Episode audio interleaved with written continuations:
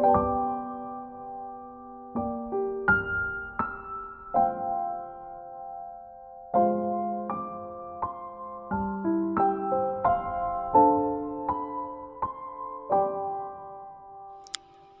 semua, selamat datang di Little Bird Podcast.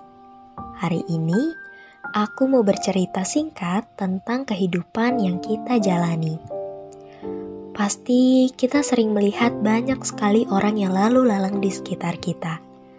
Ada yang sedang gembira, sedang bekerja mengejar finansial, belajar untuk mempersiapkan masa depan, ada yang dilanda kepanikan karena kesehatan, hingga yang sedang bersedih karena kehilangan. Tapi, apakah kita menyadari untuk apa semua itu berjalan? Untuk apa semua itu kita lalui, dan mengapa kita melakukan itu semua? Aku tahu di sini pasti ada yang sedang lelah karena pekerjaan, sedang pusing karena tugas, ataupun ujian ada yang menangis karena seseorang, hingga gembira dan merasa bersyukur. Semua itu adalah rasa yang Tuhan berikan kepada kita. Kadang kita sering lupa apa yang kita rasakan saat ini: sedih, bahagia, lelah, khawatir.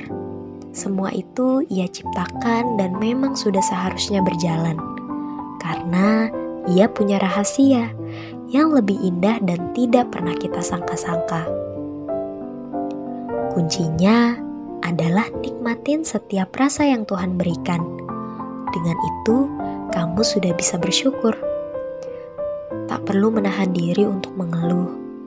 Keluhan itu wajar kok. Yang gak wajar adalah saat kita mengeluh dan kita menyalahkan Tuhan apa yang terjadi pada kita.